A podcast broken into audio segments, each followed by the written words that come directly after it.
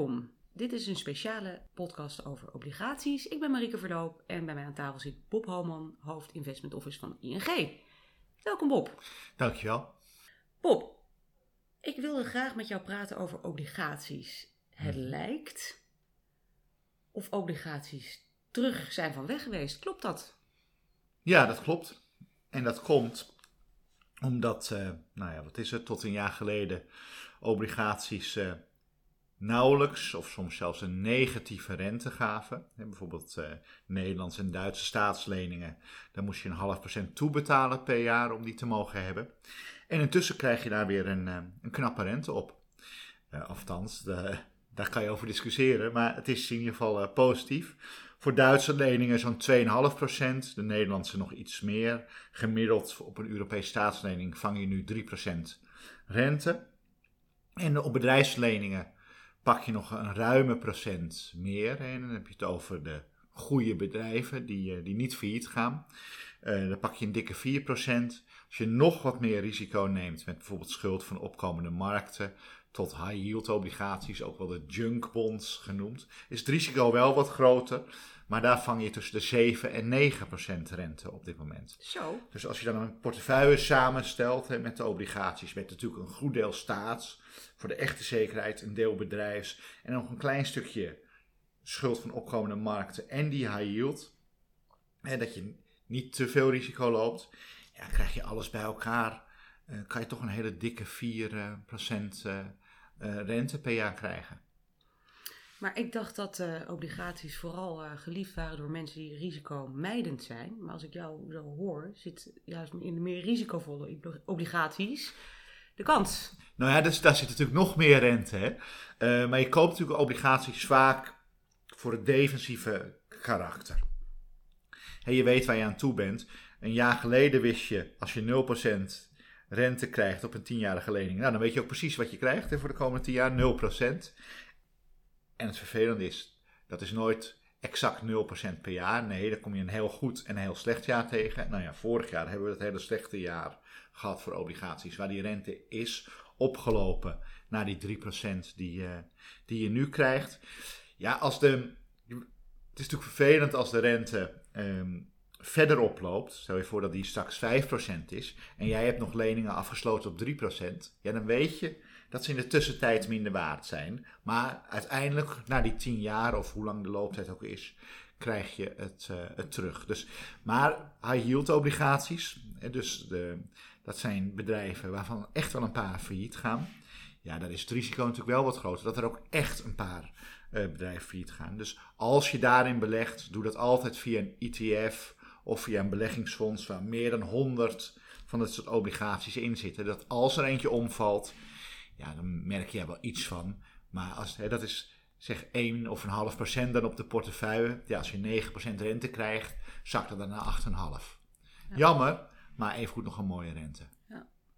Ja, dus het is zeker niet zo dat obligaties voor elk soort belegger geschikt zijn. Of hangt het dan vanaf wat voor soort obligatie? De ene obligatie is de andere is de niet. andere niet. En eh, in onze beleggingsstrategie hebben we een gemixte eh, obligatieportefeuille waar wel meer dan de helft staatsobligatie is, is en maar aangevuld met bedrijfsobligaties en een klein beetje van die hoogrisico-obligaties voor het extra rendement. En je, je gaf net aan eh, de afgelopen jaren, of in ieder geval het afgelopen jaar was slecht voor, eh, voor obligatiebeleggers. Ja. Kun je uitleggen waarom dat toen zo was en waarom dat dan nu anders is? Jazeker. Nou ja, toen was de rente 0 en die is intussen opgelopen naar 3%. Dus als jij nog een obligatie hebt afgesloten op 0% voor de komende 10 jaar, ja, dan wil niemand die meer van je kopen als je nu 3% krijgt. Dus dat is die koersdaling. Nou, dan kan je precies uitrekenen, zo'n obligatie die vorig jaar 0% gaf, geeft nu op de koers van nu ook 3% voor de komende 9 jaar. Zo werkt dat. En dan is de verwachting van de rente heel belangrijk voor het toekomstige pad, hè, voor de hele korte termijn. Wij verwachten dat die rente eh, zijn hoogtepunt gezien heeft. Je hebt ehm, de rente van de centrale banken, die heel belangrijk zijn, ook voor die lange rentes. Nou, wij denken dat die centrale banken bijna klaar zijn met hun renteverhogingen. In U- Amerika misschien nog één keer een verhoging, in Europa twee. Ehm, en daarna weer naar beneden. En die langere rentes, die lopen daar al op vooruit. Dus die hebben hun hoogtepunt eigenlijk vorig jaar al gehad. En dit jaar hebben obligatiebeleggers, ondanks dat het per dag enorm verschilt, ehm, al gewoon een paar procent verdiend op stijgende koersen, omdat die rente weer ietsje is teruggelopen. Oké, dus jullie verwachten wel dat we ook, ook Amerika heeft geloof ik iets progressiever verhoogd dan, uh, dan in uh, Europa. Ja, zeker. In Europa hebben ze al gepiekt en, en wij bijna. Nou, in Amerika is de rente nu, um, de centrale bankrente 5%. Uh, de obligatierente voor 10 jaar 3,5%. Dus daar houdt men dus rekening al dat er in eh, volgend jaar alweer renteverlagingen komen. In Europa is de centrale bankrente nu 3%. Daar houdt de markt nog rekening mee dat het naar 3,5 gaat. Maar bijvoorbeeld de Duitse staatslening staat alweer 2,5. Dus die geeft ook al aan, dit gaan we niet heel lang volhouden, die hoge renteniveaus door de centrale banken. En dat heeft natuurlijk denk alles te maken met inflatie. Die was vorig jaar heel erg hoog. En die zie je nu best wel terugvallen. En wij verwachten, die zit nu denk ik in Europa rond een procent of 4 ietsje erboven misschien nog. Wij zien hem nog wat verder terugvallen. Ik denk op de lange termijn hè, dat we ook niet teruggaan naar die rentes van nul of lager, zoals we dat vorig jaar en de jaren daarvoor uh, zagen. Um, ik denk wel dat inflatie nu hard daalt, maar structureel ietsje hoger komt te liggen. Ten eerste omdat de vraag naar geld weer toeneemt door de duurzame transitie. Er moeten gewoon veel investeringen voor gedaan worden. En van de andere kant, de demografie speelt daar toch ook wel een, een rol. Uh, we hebben een heel cohort gehad dat enorm aan het sparen was voor zijn pensioenen. Dus geld apart zetten en daarom was er veel aanbod van geld. Dat blijft nog wel spelen de komende jaren. Maar intussen zijn er ook een hele grote groep met pensioen gegaan. Die theoretisch, dat is wel meer een theoretisch verhaal denk ik, dan ook weer geld nodig hebben hè, als ze met pensioen zijn. Nou gebeurt dat nauwelijks hoor. Eh, wat ik over het algemeen zie is dat ook mensen die gepensioneerd zijn eigenlijk niet aan het ontsparen zijn. Nee, die willen hun spaargeld ook intact houden. Dus ik denk dat het effect meevalt. Maar dat is wel het, het effect dat je alleen maar potjes aan het opbouwen was, dat loopt dan wel een beetje af. Maar eigenlijk twee, je geeft nu twee berichten die uh, heel interessant zijn. Aan de ene kant zeggen we, nou die, oh, die inflatie die valt een beetje mee die loopt misschien nog een beetje terug. Maar op de lange termijn weten we het ook niet helemaal zeker. Want die energie uh, die blijft natuurlijk. Hè? Dus er kan ook nog een beetje twee kanten op. En de, het spaargeld dat misschien wat ontspaard zou worden, wordt eigenlijk toch ook weer niet ontspaard. Er zijn twee niet hele vaste. nee, maar dat is denk ik uh, wat je in financiële markt uh, altijd tegenkomt. En je weet het nooit zeker. En dat is ook de risicopremie die je krijgt ten opzichte van bijvoorbeeld een, een spaarrekening. Je krijgt wat extra, omdat je gewoon niet weet precies welke kant op gaat. Dit is onze inschatting voor de uh, komende termijn. En dat betekent dus ook hè, voor aandelenbeleggers die toch ook veel naar obligatiebeleggers kijken. Hè, want nou ja, je kan iets met redelijke zekerheid een bepaalde rente, die 3% krijgen. Dus dat moet, aandelenprijzen worden er ook voor een deel op gebaseerd. Dat betekent ook dat wij niet al te negatief zijn over aandelen, omdat we denken dat die rente wat daalt. En als dan en rente en inflatie wat dalen, en tegelijkertijd stijgt de koopkracht wat, omdat nu de hogere uh, cao-lonen die afgesproken worden erin komen, hoeft het economisch in onze ogen ook helemaal niet zo slecht te gaan uh, de komende tijd. Dus die recessie waar iedereen over spreekt, ja, het zal vast wel weer eens, hij zal vast wel eens een keer komen, maar het kan best allemaal meevallen. Mild of misschien later dan. Of later, ja. ja. Precies, en dat is denk ik hè, met beleggers, als men wacht op de recessie, ja, tuurlijk komt er een keer een uh, recessie, maar of dat nou over een jaar is of, of misschien over twee jaar, daar kan je eigenlijk niet zo, zoveel rekening mee houden, denk ik, want dan doe je nooit wat.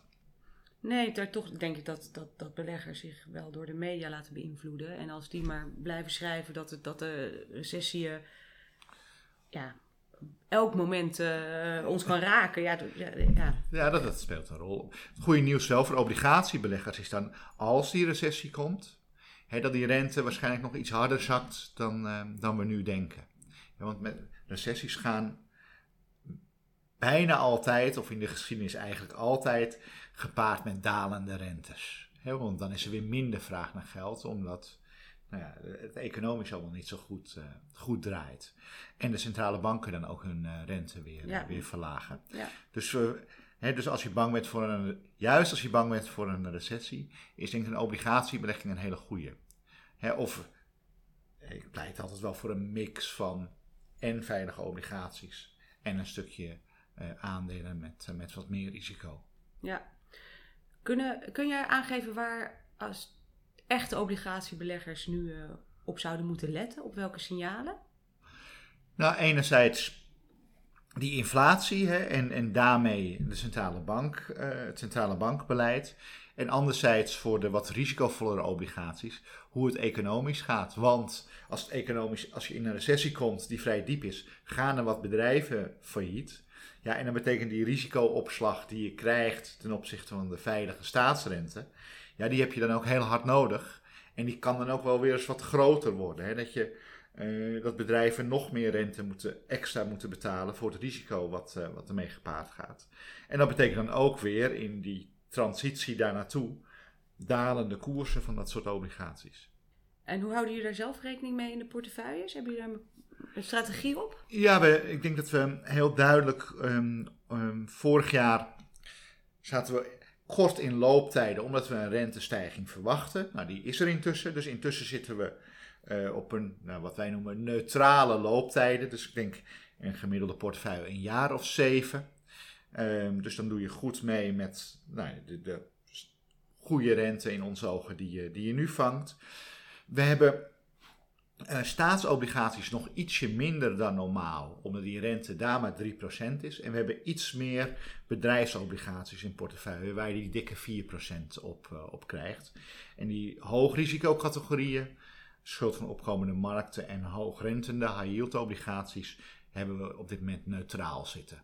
En dat is ongeveer 20, samen is dat ongeveer 20% van de portefeuille, waar je dan toch nou ja, een procent of 7 tot 9 op, eh, op krijgt. is toch ook wel weer lekker om, eh, om mee te pakken. Zou je eh, beleggers die eigenlijk aandelenbeleggers zijn ook eh, ehm, altijd aanraden om een deel in obligaties aan te houden? Ja, ik denk dat hè, als, je, als je kijkt ook naar onze beleggingsstrategieën die we hebben, de meeste mensen die veel risico willen nemen, hebben toch nog die 10% obligaties. En dan kan, kunnen wij ook als beheerder, als wij denken die markt is echt, nou, we komen echt in een recessie bijvoorbeeld, kunnen we dan het obligatiedeel wat opvoeren. Dus dan kan je net ietsje meer toegevoegde wa- waarde en daarmee een dempend effect op eventuele koersdalingen laten zien. Dus ja, Helder. Ik wil je Graag danken voor dit gesprek.